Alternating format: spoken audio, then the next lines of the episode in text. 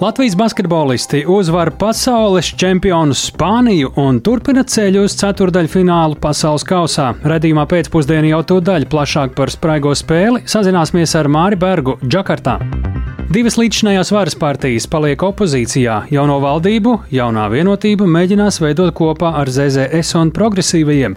Varas gaitiņos jau sāk dalīt amatus, bet kāda būs Lemberga ietekme lēmumu pieņemšanā?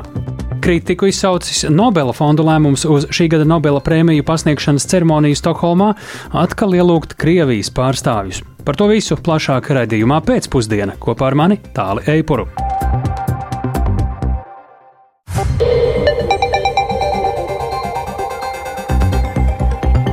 Pūkstens ir 16,5 minūtes. Skan pēcpusdienas ziņu programma, skaidrojot šodien svarīgus notikumus. Studijā tālāk Eipors.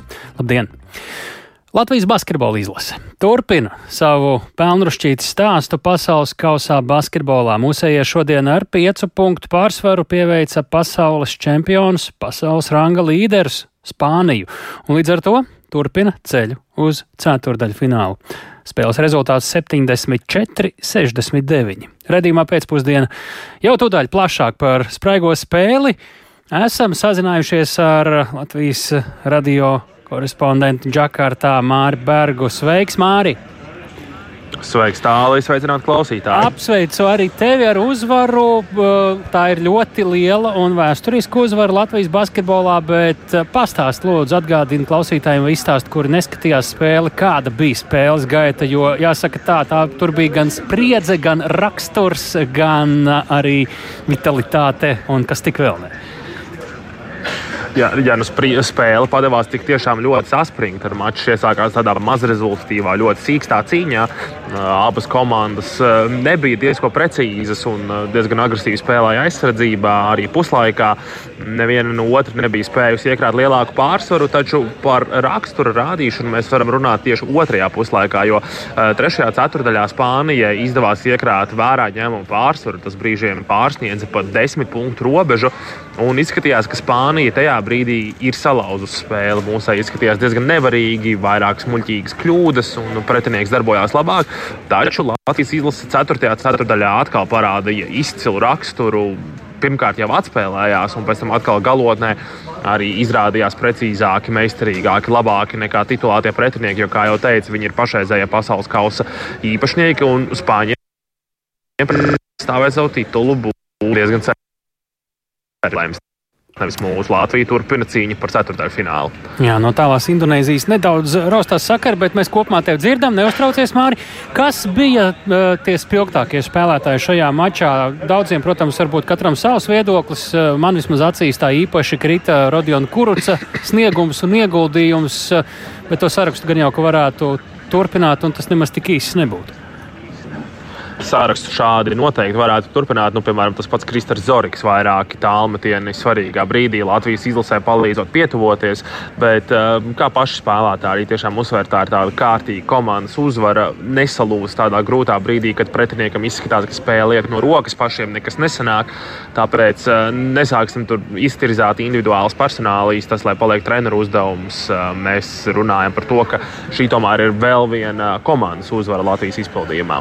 Nu, to varēja redzēt arī daudzās epizodēs aizsardzībā, kur mūsējie saslēdzās, lai nosaktu dažu labu varenāku spāņu centru. Bet pirms 11 minūtēm beidzās preses konference. Mēs jau tā, tā tik nesen, ka nepaguvām vēl atsūtīt un ierakstījumus saņemt, tie skanēs vēlāk ziņu raidījumos, bet kāda bija? Uh, jo īpaši jau Lukas Banki, galvenā trenera komentāri un arī spēlētāja komentāri tūdaļ pēc spēles. Jā, nu internets šeit ir lēns, tāpēc aizsūtīt tik ātri nav nemaz tik vienkārši. Bet, eh, jā, kas attiecas uz pēcpusdienas preses, preses komentāriem, tad Rodions Kurucs izcēlās ar vairākiem asprātīgiem komentāriem. Viens no tiem ir, ka viņš visu nākamo sezonu varēs spāņiem zem ādas līst un atgādināt šīs lietas, varēs daudz runāt laukumā un eh, par šo spēli. Bet, eh, protams, spēlētāji saglabā koncentrāciju. Arī tas pats Rodions pēc tam, protams, atzīmē, ka ir jāsaglabā abas kājas uz zemes un jādomā par spēli pret Brazīliju. Tieši tāpat pašu teica arī Luka Banki un arī Dāvis Bērtāns. Šī uzvara nebūs vērtīga, ja mūsējie zaudēs Brazīlijai, jo tieši šī spēle būs vēl viens pakāpiens uz priekšu, ja to izdosies uzvarēt. Ja zaudējums, tad, tad šī spēles vērtība krietni, krietni samazināsies. Tāpēc visas domas ir par spēli pret Brazīliju jau. Uh, nu jā, vēl par šo spēli, kur tomēr ir vēsturiska. Uh, nu, kā tev pašam, uh, sēžot tur arēnā, izskatījās pretinieks, spēcīgā Spānija. Tavuprāt, kas tad bija tas, kas liedza viņiem samest mūsu grozā sev vajadzīgās bumbas, jo līdz šim mēs bijām diezgan daudz grozus ielaiduši iepriekšējās spēlēs, un Spāņi tomēr bija daudz arī sametuši. Latvijas izlases aizsardzība ir tā, kas liedz to izdarīt. Tas ir, protams, pirmais un acīm redzamais. Bet paši spāņi spēlē varbūt diezgan lēni, diezgan smagnēji. Un, tad, kad viņi sāka mazliet ātrāk darboties, 3. ceturdaļā viņiem tā spēle aizgāja, bet tomēr tā izteiktā spēles groza apakšu tur mūsējiem, kā jau tu pats iepriekš teici, izdevās ļoti labi saslēgties, aiztaisīt ciet groza apakšu. Spāņu basketbolists saņemot bumbu, viņam vairs tur īsti nebija kur likties. Bet, nu, ko mēs tur izturzāsim spāņu problēmas? Latvija uzvarēja uzvarēja, un tagad uh, tiešām ir jādomā par spēli pret Brazīliju. Tur ir kādas atslēgas, kas jau izskanēja šodien. Uh, Spānija ir, nu, atvainojos, Brazīlija ir nomināli vājākā šīs grupas komanda uz papīra. Viņa arī Spānijai zaudēja ar 20 punktu deficītu, bet par šo spēli pagaidām vēl neviens nerunā. Par to runās rīt jau treniņu laikā. Paldies! Gaidīsim ziņas no Latvijas izlases treniņa un no mūsu korespondenta Džakartā Māra Bērga. Tātad Latvijas izlase vēsturiski Pasaules kausā cīņā par iekļūšanu ceturdaļu finālā uzvarēja Spānija, kas šobrīd ir aktuālie pasaules čempioni. Šeit pat Latvijā nākamās valdības veidošanu pirmdien turpinās jaunā vienotība, Zaļo un Zemnieku savienība un progresīvie. Tā ir pavēstījusi premjera amatam nominētā Evika Siliņa no jaunās vienotības. Tas nozīmē, ka jau tuvākajā laikā taps valdības deklarācija. Tajā būs uzdevuma plāns vēl šim gadam un arī plāns ilgākam periodam, kā arī koalīcijas līgums. Vienlaikus sāksies arī atbildības sfēru sadale. Un te jāatgādina, ka tieši šodien apvienotais saraksts atteica dalību topošajā valdībā, to skaidrojot ar Ventspils eksmēra ZZS pietuvinātāja Vara Lemberga ietekmes atjaunošanos. Nu, un vēl papildus viena ziņa tap zināms, ka par atbalstu topošajai 52 balsu koalīcijai ir gatavs runāt arī pie frakcijām nepiedarošais deputāts Oļegs Burovs. Par to visu Jāņa Kīņš ierakstā plašāk. Mums ir koalīcijas veidošanas sarunās zināma dinamika un notikumi. Atrisinātas ilgāku laiku virmojošās kaislības, kāds būs topošās koalīcijas modelis. Apvienotā saraksta valda un frakcija pateikusi vienbalsīgu nē dalībai koalīcijā kopā ar jauno vienotību, Zaļo un Zemnieku savienību un progresīvajiem. Līdz ar to topošās koalīcijas spēkiem saimā būs 52 balsis, minimāls vairākums. Topošās valdības veidotāji gatavi strādāt pie drošības apdraudējuma novēršanas, kā arī rast risinājumus sadarbības sadales tīklu tarifu un hipotekāro kredītu procentu likmju pieaugumu mazināšanai. Tikmēr apvienotā saraksta paziņojumā lasāms, ka tas neatbalstīs nestabilu valsts drošību un starptautisko reputāciju vājinošu valdību ar Lemberga izšķirošu ietekmi. Premjera amata kandidāte Evika Siliņa no jaunās vienotības šo pamatojumu gan sauc par atrunāšanos, un daudzkārt to atkārtojusi līdzinājās stundām ilgajās apspriedēs, kurās par darāmajiem darbiem ir bijis vienots redzējums. Es nekādas vienošanās slēgus nesmu. Jau bijām iepriekš vienojušies, ka viennozīmīgi ZZS neuzņemas atbildību ne par tieslietu ministriju, ne par drošības bloku. Un te pēkšņi apvienotais saraksts nāca ar ļoti līdzīgu deklarāciju. Līdz ar to, manuprāt, tās ir spekulācijas. Es nekādā gadījumā netaisos pieļaut Aivara Lemberga ietekmi ne tikai saistībā ar piedalīšanos sadarbības sanāksmēs un valdībā, bet arī kopumā vēlos redzēt labas korporatīvās pārvaldības principus arī ministrijās. Apvienotā saraksta viens no līderiem, tagadējais saimnes priekšsādātājs Edvards Smiltēns, topošās valdības sastāvu saista tikai un vienīgi ar vienošanos par balsojumu valsts prezidenta vēlēšanās. Koalīcija 52 balsīm jau bija gatava 10. maijā, un nekāda balta lapa nepastāvēja bija tikai un vienīgi skaidrs ultimāts, vai nu jūs nākat kā ceturtais partneris šajā jau 52 balsu Lemberga koalīcijā, vai jūs nenākat.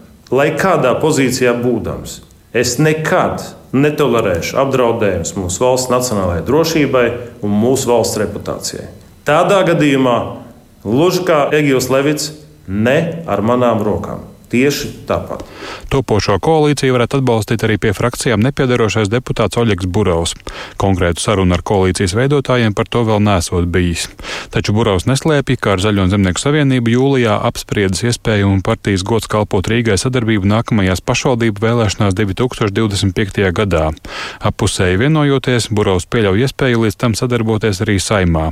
Pirms tam to apstiprinot partijas gods kalpot Rīgai valdē. Man bez šaubām interesē jauna valdības darba reģionāla politika. Man ļoti šobrīd interesē, kas notiek ar mūsu reģioniem tuvāk austrumu robežai, tāpēc, ka mēs saprotam, ka šis mūris starp divām valstīm, kas ir Krievija un Baltkrievija, būs uh, reāli ilgstoša. Un kā atdzīvināt šīs teritorijas reformām, attīstībai vajadzētu sāksies no galvaspilsētas. Tas ir absolūti reāli. Visam lielam investīcijam vajadzētu nākt tur, kur jau ir attīstīts. Ja Rīga, diemžēl, neparāda attīstību. Līdz ar jaunas valdošās koalīcijas un valdības izveidi būtiskas pārmaiņas sagaidāmas arī saimas prezidijā un komisijās. Smiltāns rēķinās, ka drīz zaudēs saimas priekšādētāju amatu. Rāmīti fotografijai līdzās citu bijušo saimas spīkeru attēliem viņš jau esot sagādājis.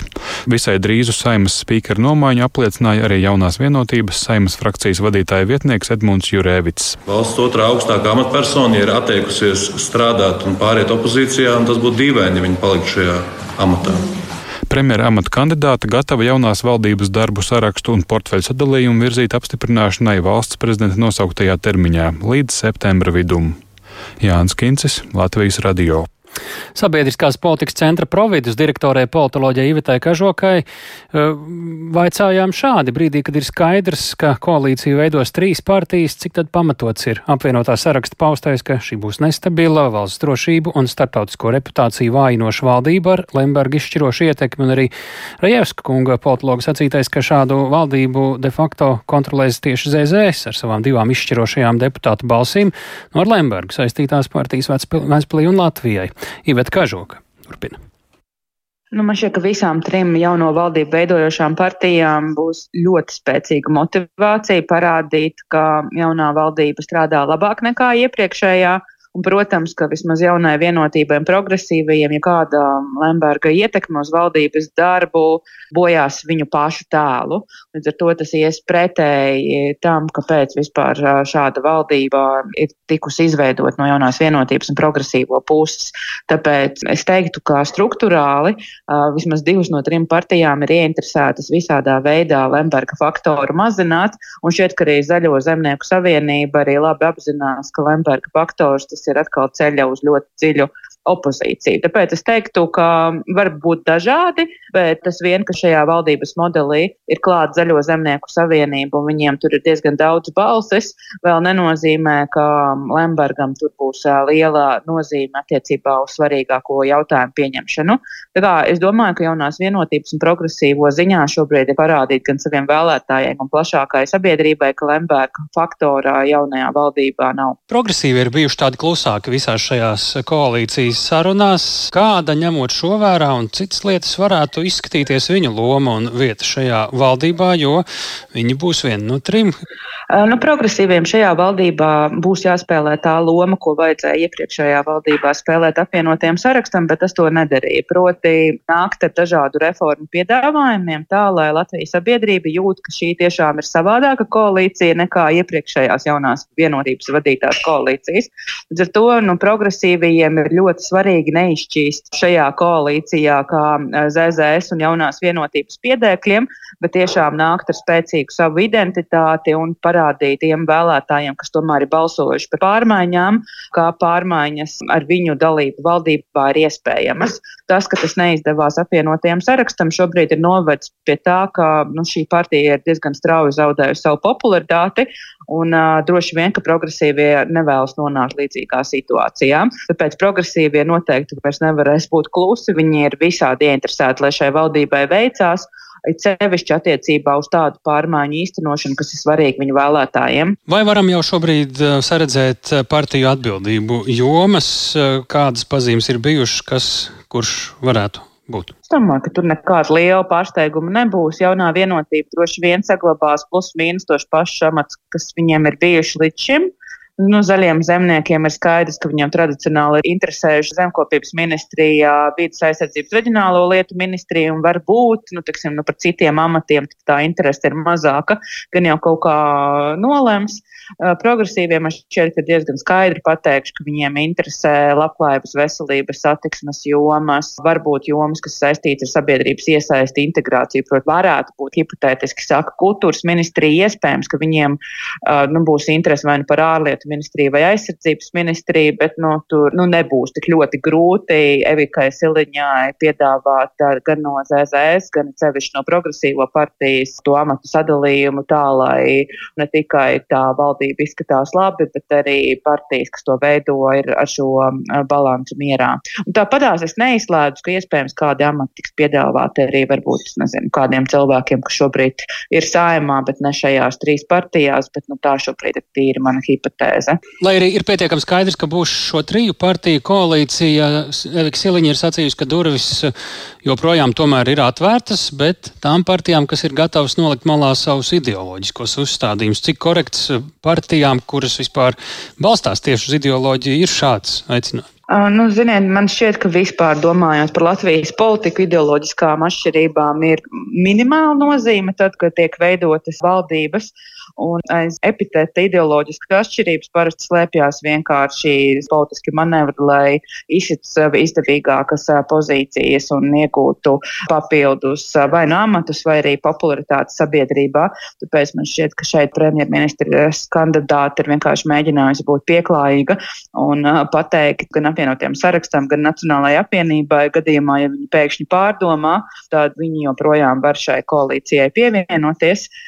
Bet nu, man šķiet, ka šobrīd jau tas būs diezgan grūti izdarāms. Apvienotiem sarakstam nav nekāda būtiska ideoloģiska atšķirība ne ar progresīviem, ne ZZS, ne ar jauno vienotību. Varbūt lielākā intriga, ja viņi tiešām paliek opozīcijā, ir kas būs viņa turpmākā taktika, vai viņi joprojām uzturēs šo pretlembergā retoriku, principā ieņemot jaunās konservatīvās partijas lomu šajā saimnes sasaukumā, vai viņi tieši otrādi sāks manevrēt un meklēt iespējas tuvināt tuvināties ar ZZS, lai varbūt kaut kad uztaisītu kādu alternatīvu koalīciju.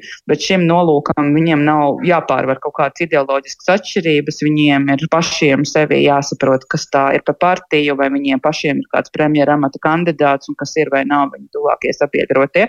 Tā kā es teiktu, ka iemesls, kāpēc Nacionāla apvienība un apvienotais saraksts nav pievienojušies šai koalīcijai, ir ļoti minimāli saistīts tieši ar kādiem dziļiem vērtību jautājumiem. Tā sabiedriskās politikas centra providus direktore politoloģa Iveta Kažoka šodien tātad noskaidrojies, ka nākamās valdības veidošanu pirmdien turpinās jaunā vienotība, Zaļo zemnieku savienība un progresīvie. Skaidrības joprojām nav par to, kāda nākotne gaida Latvijā tos dzīvojošos Krievijas pilsoņus, kuri nav nokārtojuši latviešu valodas pārbaudījumu. Vairāk nekā 25 tūkstošiem Krievijas pilsoņu, kuri šeit dzīvo šodien, beidzas pastāvīgās uzturēšanās atļaujas. Uz statusa atjaunošanu pieteikusies ir tikai nedaudz vairāk nekā puse, jeb 13 tūkstoši personu. Savukārt nedaudz vairāk par 800 cilvēkiem pieteikušies termiņu uzturēšanās atļaujai. Pārējie vai nu nav nokārtojuši latviešu valodas pārbaudījumu, vai nu nav darījuši neko, lai uzturēšanās atļauju saņemtu. Plašāk par situāciju ir gatavs stāstīt kolēģis Viktors Demīdovs. Viņš pievienojas mums eh, šeit raidījuma pēcpusdienas studijā. Sveiks, Viktor! Eh, pastāsti, kas eh, tagad tālāk notiks, vai šiem daudziem tūkstošiem Latvijā dzīvojošo Krievijas pilsoņu tagad valstī nāksies pamest, vai tad tomēr ne? Labdien! Nu, īsa atbilde No rītdienas cilvēkiem absolūti nekas nemainās, bet pastāstīšu tad sīkāk. Tātad visiem Latvijā dzīvojošiem Krievijas pilsoņiem pastāvīgā uzturēšanās atļauja no rītdienas vairs nebūs derīga. Un, lai dzīvot Latvijā, viņiem pilsonības un migrācijas lietu pārvaldē ir jāiesniedz apliecinājums par valsts valodas zināšanām A2 līmenī, kas ir otrs zemākais līmenis. Un jāapliecina, kāds ir viņu tas finanšu resursi, jeb cik viņiem ir naudas, kādi ienākumi. Un no vairāk nekā 25 tūkstoši 300 Krievijas pilsoņu valodas eksāmens ir jākārto vairāk nekā 20 tūkstošiem, no tātad lielākai daļai. Pārējie ir personas virs 75 gadiem un tie, kuri veselības problēmu dēļ to pārbaudījumu nevar veikt. Un, starp citu, no tiem vairāk nekā 90% pastāvīgās uzturēšanās atļaujas ir nu, pieteikušies, lai noformētu to Un no 20 tūkstošiem, kuriem valoda ir jākārto, 13 tūkstoši ir pieteikušies pastāvīgās uzturēšanās atļaujai, un vēl apmēram 6 tūkstoši, un šis skaits vēl šodien var pieaugt, ir pieteikušies atkārtotai valodas pārbaudē, kas viņiem ir jāveic līdz novembra beigām. Tātad tie ir vismaz 19 tūkstoši Krievijas pilsoņu, un viņiem vismaz līdz rudenim pilnīgi nekas nemainās. Un vēl nedaudz vairāk par 800 cilvēku ir pieteikušies termiņu uzturēšanās uzturēšanās atļaujai. Kā šiem apmēram 20 tūkstošiem cilvēku turpmāk būs ar veselības apdrošināšanu un sociālām garantijām, to vaicāja pilsonības un migrācijas lietu pārvaldes priekšniecei Mairai Rozei. Tie, kas ir iesnieguši mums dokumentus, un tie, kas ir pieteikušies atkārtotai valodai, tiem viss saglabājas. Tie, kas ir iesnieguši termiņu uzturēšanās atļaujai, tiem nesaglabājas, jo viņi uh, samazina to latiņu un uz viņiem attiecas vienkārši parastās termiņu uzturēšanās atļaujas nosacījumi. Uh, līdz ar to viņiem nesaglabājas, viņiem pašiem jārūpēs par medicīnu, par finanšu līdzekļiem un vispārējo, bet viņi var uzturēties šeit, tā ir skaitā līdz lēmumu pieņemšanai. Tālāk pilsonības un migrācijas lietu pārvaldes priekšniece Maira Roze, un jāatzīmē, ka arī tiem cilvēkiem, kuri līdz šim neko nav darījuši, rīt nekas nemainīsies. Pilsonības un migrācijas lietu pārvalde bēstos ar aicinājumu pamest valsti sāks izsūtīt 1. septembra vidū, un eh, tādā gadījumā Latvija viņiem būs jāpamet 90 dienu laikā. Cik tādu ir, nu, pagaidām grūti pateikt, eh, bet Roze lēš, ka tie varētu būt aptuveni 4,5 tūkstoši cilvēku, kuri līdz šim neko nav darījuši, bet uh, jāņem vērā, ka 25,300, ko es uh, pieminēju, tie nav svaigākie dati, tie ir nu, vismaz gadu veci, un, un tad attiecīgi, cik ir šobrīd Krievijas pilsoņi, neviens nezina, un, un tad plašāk informācija sekos tikai septembra vidū. Un tad šonedēļ iekšlietu ministrija saimā iesniegusi arī piedāvājumu mainīt imigrācijas likumu, kas paredzētu Latvijā dzīvojošiem Krievijas pilsoņiem vēl divus gadus, kuru laikā nokārtot latviešu valodas pārbaudi, lai viņi viņi varētu legāli turpināt uzturēties Latvijā Es sazinājos ar atbildīgās komisijas pārstāvi, kurš teica, ka pagaidām nav zināms, kad būs sēde, bet tā visticamāk notiks tuvāko nedēļu laikā. Un, jāatzīmē, ka valsts prezidents Edgars Rinkēvičs ar tagadējo situāciju nav apmierināts, un lūk, ko viņš šorīt teica Latvijas televīzijā. No vienas puses, tas ir nepieņemami, ka faktiski no šodienas šis likums ir stājies spēkā bet ir skaidrs, ka viņa izpildes mehānisms faktiski neeksistē. Vai arī, ja viņš eksistē, tad viņš nav pieņemams no nu, teiksim, daudziem aspektiem. No otras puses, nu, kādu signālu mēs tagad sūtīsim tiem, starp citu, Krievijas federācijas pilsoņiem, kas ir pildījuši likumu, un ir vesela rinda, kas nav pildījuši likumus. Mēs tagad nonākam situācijā, kas ir nevienlīdzīga. Tādēļ es esmu teicis, ka es šobrīd tomēr paturu sev tiesības tajā brīdī, kad sājumi pieņems likumu, viņu vērtēt Un, ja tas manā ieskatā nebūs korekts, tad nodot otrreizēji caurlūkošanai. Tas būs, nu, lai arī nebūs labs risinājums, bet apmierinoši izsludināt ar vienu piebildi. Ja vien saimnieks nelems par tā saucamās lielās steidzamības piemērošanu, kas tādā gadījumā prezidentam nedod veto tiesības. Tālūk, valsts prezidents Edgars Rinkēvičs šorīt Latvijas televīzijā un eh, jāsaka, ka atbildīgajā komisijā teica, nu, ka iespējams varētu arī pātrinātā kārtā tātad izskatīt šo, um, šo piedāvājumu, mainīt grozījumus, kāds tas būs lēmums, vai tas attieksies uz absolūti visiem Krievijas pilsoņiem, kuriem vēl divus gadus dot, vai tomēr tas attieksies tikai uz tiem, kuri, nu, tā tad uh, kārtoja, bet nenolika ar pirmo piegājienu un vēl divus gadus, nu, tad tas ir deputātu ziņā. Paldies, sakām Viktoram Demīdovam. Turpinot par valsts valodas apguvi, uz izglītošanu tikai latviešu valodā šajā mācību gadā pāriet visas vairāk nekā 120 mazākuma tautības skolas, tādēļ pirmā skolas diena šodien tajās aizrit citādāk nekā gadu desmitiem ierasts. Latvijas radio šorīt viesojās Rīgas 40. vidusskolā, kur šis 1. septembris ir īpašs arī tāpēc, ka zinību dienas zvans jauno mācību gadā tajā ieskandināja jau 70. reizi. Vairāk klausāmies Paulas Dēvids ierakstā. Tik daudz bērnu, tik daudz smaidu. Kur ir pirmā A klase? Pamājiet mums visiem ar rokām! Kur ir pirmā B klase? Ar šādu uzsaukumu Rīgas 40. vidusskolas pirmo klašu skolēnus šorīt svinīgā līnijā sveica direktoras vietniece Zīta Zvejniece. Tradicionāli pasākumā pirmklasniekus uz svinību zāli pavadīja 12. klašu skolēni. Tomēr citām klašu grupām šajā skolā šodien notika vien zinību dienas klases stunda, jo skolai nav atbilstošas telpas, kurā rīkot pasākumu visam 900 skolēnu kolektīvam. Ieceļos agri no rīta, maz kādus zobus un tad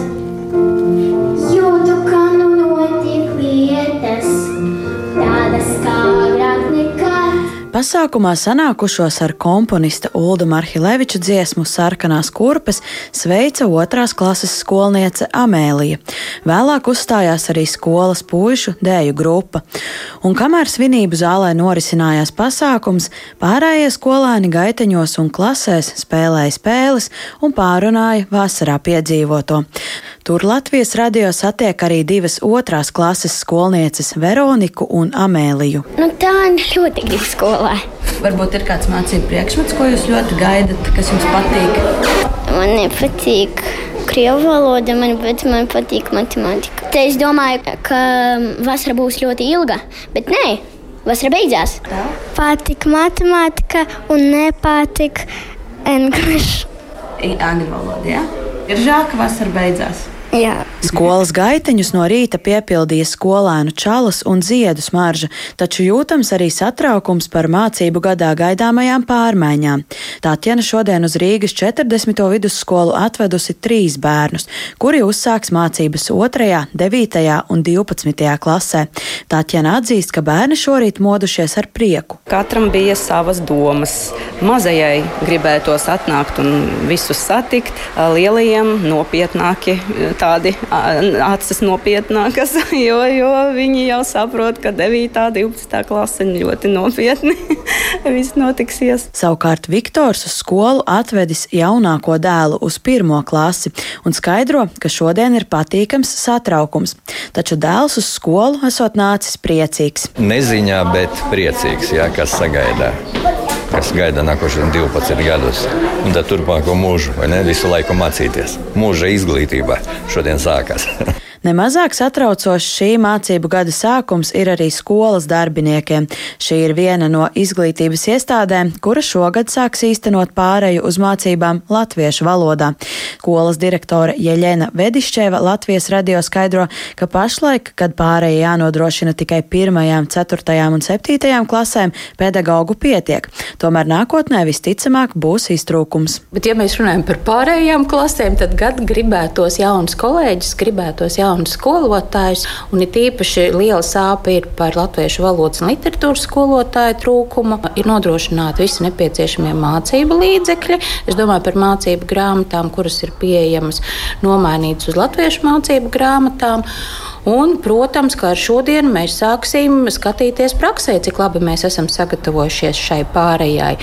Jo man ļoti patīk šis izteiciens, ka neviena, neviens cīņas plāns neiztur pirmo kauju. Vedišķeva skaidro, ka secinājumus varēs izdarīt tikai, kad būs pieredze, un piebilst, ka šī pārēja ir darbs ne tikai skolā, bet arī mājās. Pirmklasnieki šogad sagaidīti ne tikai ar izdekorētu skolu un svinīgu pasākumu, bet arī jaunām dienas grāmatām un skolēnu ētaloniem, lai īpaši iezīmētu bērnu pārēju skolēnu statusā. Jūsu mācības Rīgas 40. vidusskolā sākas tagad.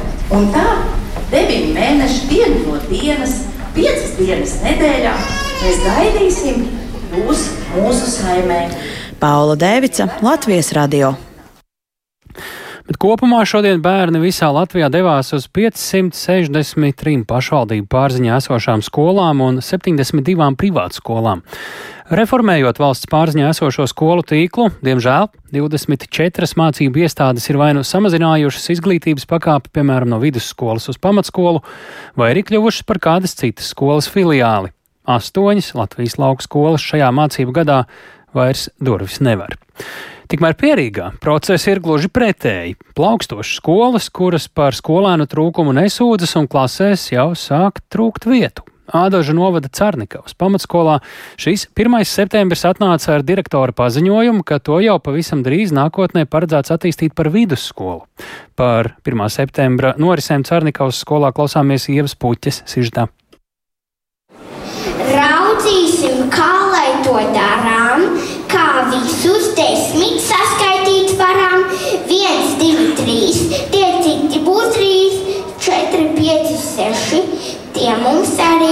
nav sveši.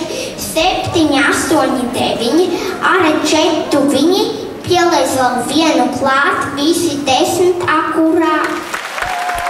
Cernikavas pamatskolas pirmās klases skolnieks Gvido, kas drosmīgi uzstājas 1. septembra sarīkojumā, ir viens no 77 šīs skolas pirmklasniekiem, bet pirmo klašu Cernikavas skolā šogad ir vairāk nekā jebkad tās vēsturē - veselas četras - A, B, C un D. Skolēnu skaits no 523 pagājušo gadu paliecies līdz 561 šogad. Iepriecinošās demogrāfiskās tendences svētku sarīkojumā ļauj paziņot kādu grandiozu jaunumu.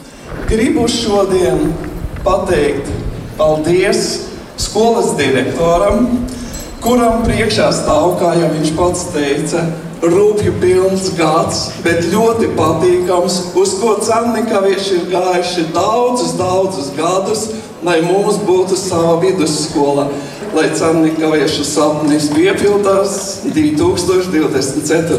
gadā. Genovefa Kozlovska, agrāk Cernikavs, bet tagad Ādažu novada domas priekšsēdētājs vietniece, stāsta, ka sava vidusskola šajā vietā būšot pirmoreiz.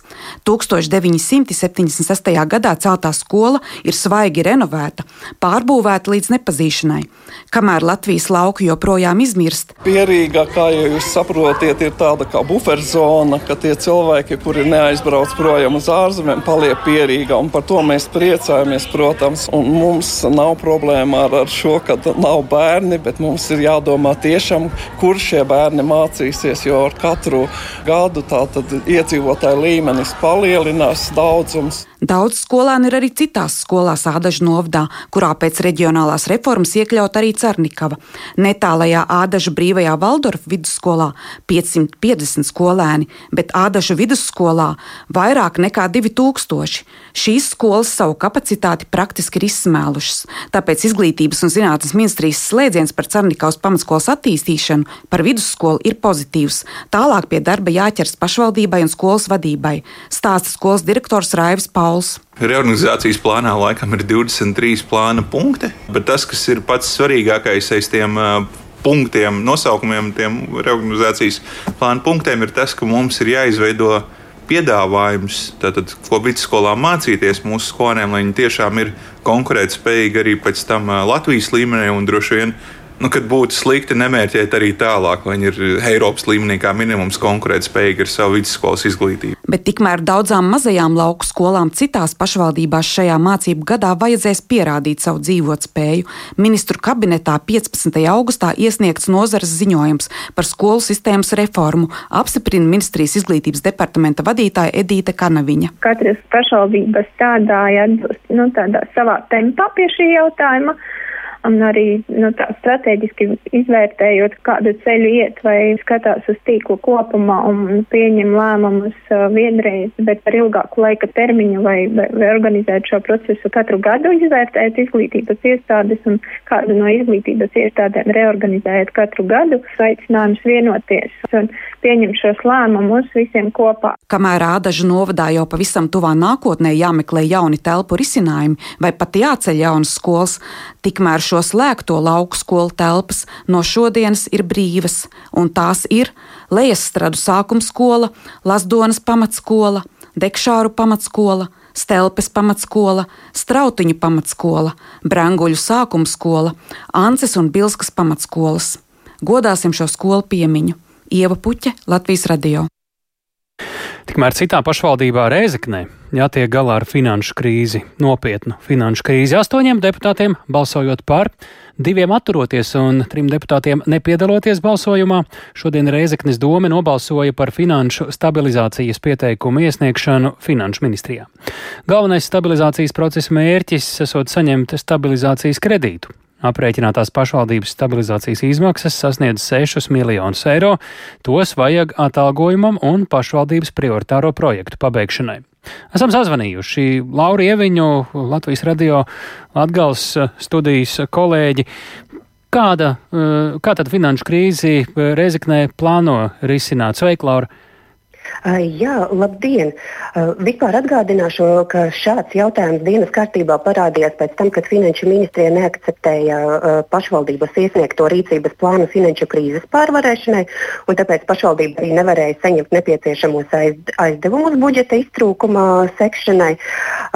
Šobrīd pilsētas pašvaldībā ir 1,8 miljoni kavēti maksājumi, tā skaitā par būvniecības darbiem, komunāliem maksājumiem, par izglītības pakalpojumiem maksājumiem. Un izskatās, ka šis stabilizācijas plāns ir vienīgais uh, risinājums finanšu krīzes uh, pārvarēšanai, jo uh, tas paredz arī stabilizācijas aizdevumu.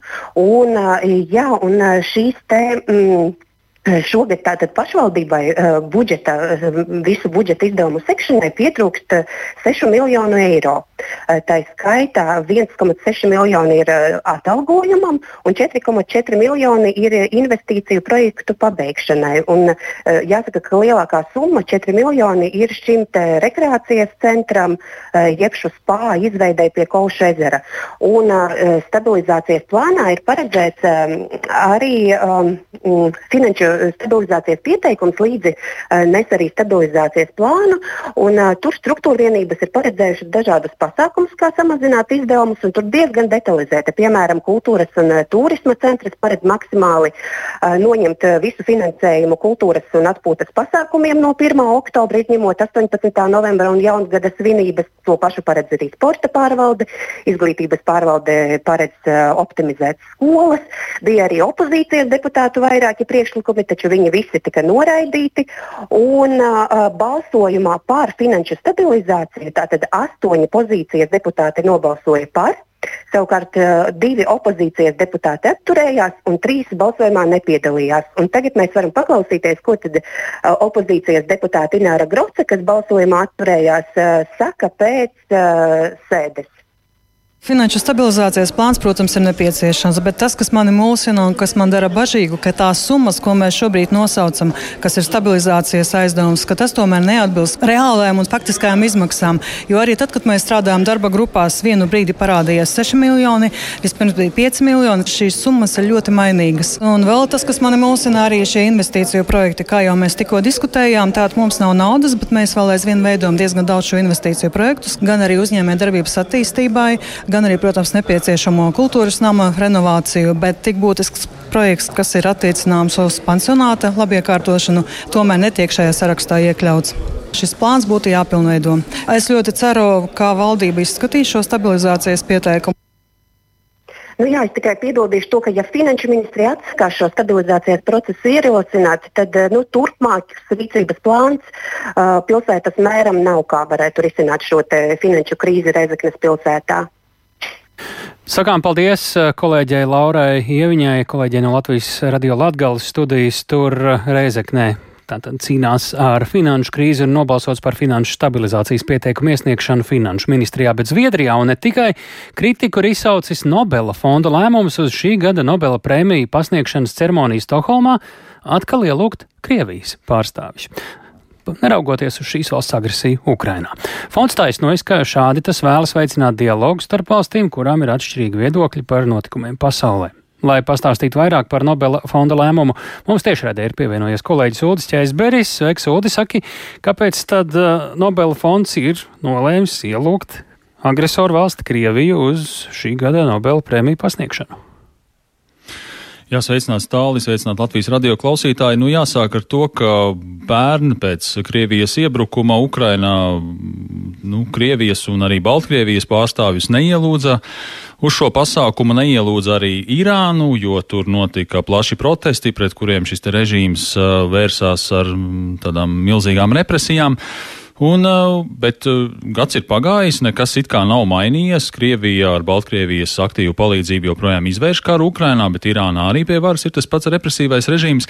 Nu, tomēr uh, Nobela fonds ir paziņojis, ka šī gada Nobelā prēmiju pasniegšanas ceremoniju Stokholmā 10. decembrī ielūgs visus ārvalstu vēstniekus, kuri rezidē Zviedrijā, un tas nozīmē, ka uz šo pasākumu tiks ielūgti arī Krievijas, Baltkrievijas un Irānas vēstnieki. Un, uh, Nobela komisijas šīs te fonda vadītājs Vīdars Helgesens, nu jā, viņš ir nācis klajā arī ar tādu skaidrojumu, kāpēc tas notiks, un to mēs arī varam paklausīties. Vi ser at vi lever i en stadig mer polarisert verden. Mēs dzīvojam ar vien polarizētākā pasaulē. Nobela prēmija ir pretstats polarizācijai, nacionālismam un populismam.